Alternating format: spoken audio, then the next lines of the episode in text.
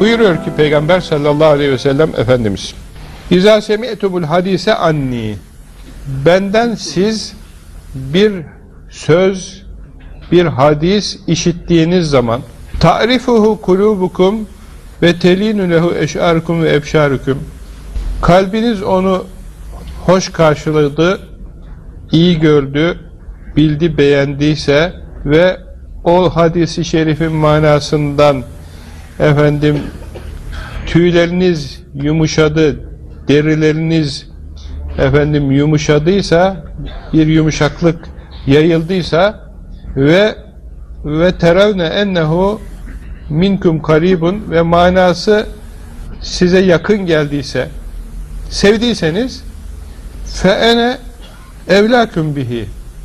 Ben bu hadise sizin en uygun olanınız, en layık olanınızım. Evet, bu hadis-i şerif ravi doğru söylemiştir. Bendendir. Ee, ben söylemişimdir. Tamamdır. Aksine ve izâ semi'tumul hadise anni benden bir şeyler rivayet ettiler size.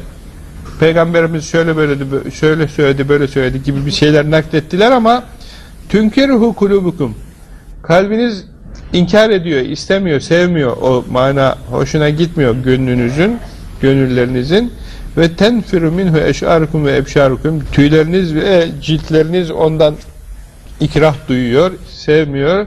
Ve terevne ennehu baidun minkum ve bunu sizden uzak görüyorsanız efendim feene evadüküm minhu. Ben o hadisten sizin en uzağınızım. Yani ben onu söylememişimdir.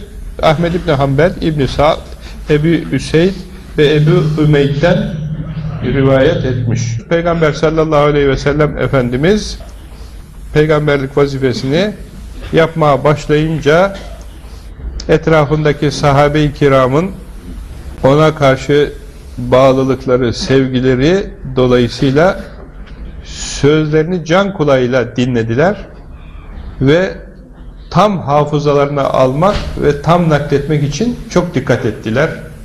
Pür dikkat böyle.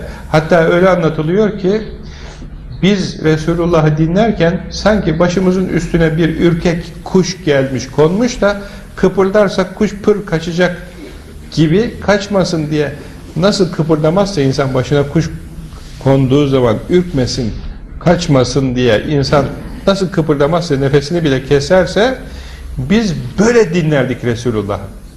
Yani böyle sevgiyle, böyle dikkatle, kıpırdamadan saatlerce aşk ile, şevk ile dinlerdik. Tabi bu bereketle, bu sevgiyle gönüllerine nakş oluyor Resulullah Efendimizin hadisi şerifleri, sözleri. Kendileri öğreniyorlar, başkalarına da anlatıyorlar. Öyle kimseler var ki mesela ortak bahçeleri var bu ortak bahçede bir gün birisi çalışıyor. Ortağına diyor ki sen bugün git Resulullah Efendimizin mescidine yanına sabahtan akşama kadar etrafında bulun sonra gelir anlatırsın bana. Ertesi gün ötekisi gidiyor gördüklerini o anlatıyor. Hiçbir günü kaçırmıyorlar yani ortaklaşa bir gün birisi bir gün birisi hem işler yürüyor hurmalar sulanıyor bağ bahçe işleri tamam oluyor hem de Resulullah dinleniyor. Tabii o zaman teyp yok. Tek çare dinlemek, dikkatli dinlemek, dikkatli söylemek, anlatmak başkalarına. Tabi bunu güzelce yaptılar sahabe-i kiram. Fakat eğer bir münafık, kalbinde hastalık olan bir kötü insan, başkalarını kandırmak isterse ne olacak?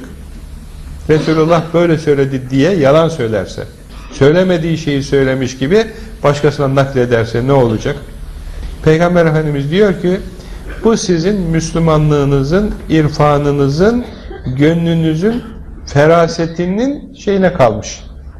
Eğer benden birisi size bir hadis naklederse, gönlünüz hoş karşılıyorsa, derinize bir tatlılık yayılıyorsa, yumuşuyorsa, tüyleriniz, kıllarınız, deriniz yumuşuyorsa ve Tamam Resulullah böyle söylemiştir bu tatlı sözü muhakkak tamam üslup onun üslubudur söylemiştir gibi içiniz kabul ediyorsa tamam.